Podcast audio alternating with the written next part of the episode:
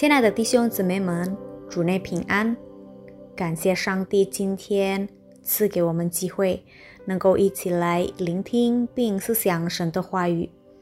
我们今天的门徒灵修取之于读经运动，借着旧约的诗篇五十五篇，我们要一起来思想今天的主题：面对困难。我们先一起来祷告。我们在天上的父，谢谢你赐给我们机会来思想你的话语，求你帮助我们能够专心聆听你的话，也求你带领我们在聆听的过程中能够明白你的话。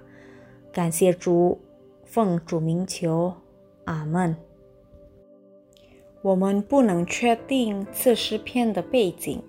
有可能是大卫王亲生儿子亚沙龙叛变时所做的。若大卫王不愿在这诗篇里提及亚沙龙的名字，可以猜测是因为他非常爱他的儿子，甚至可以说是溺爱他。大卫王只论及他所面对难处的严峻性，是因为被好友出卖了。此人极有可能是亚西多福。大卫王觉得很难去应对亚西多福，因为他不仅是一位知己，也是他的谋士。基于他们的深交，亚西多福对大卫王的性格和想法了如指掌，因此他所先上的谋略是非常周密。准确和危险的。有仅于此，亚沙龙的叛乱使大卫王焦虑、恐慌、害怕、战惊、忧虑和伤心。在四面楚歌的情况下，大卫王呼求上帝，他深信上帝会帮助他。对大卫王而言，求助于上帝如同一种自然反应。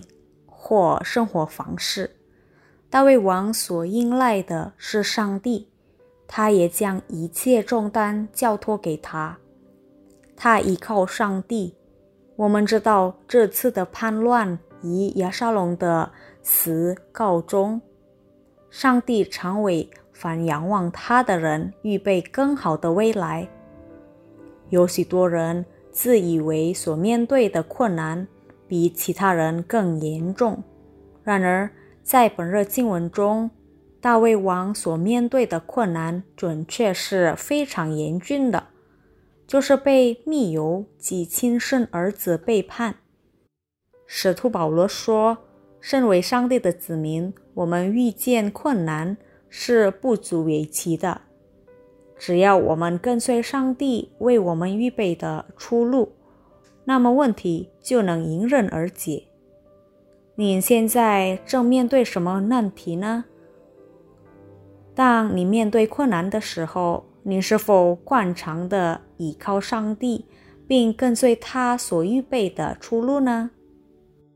我们祷告，主耶稣，谢谢你今天叫我们，当我们遇见困难的时候，要相信你会帮助我们。就像大卫王一样，他所仰赖的就是你，他也把一切重担都交托给你，相信你为他预备的出路。主啊，求你帮助我们，能像大卫王一样，只依靠你。感谢主，我们祷告是奉靠主耶稣基督的生命祈求，阿门。上帝。常为凡仰望他的人预备更好的未来。祝大家有美好的一天。耶稣爱你，我也爱你。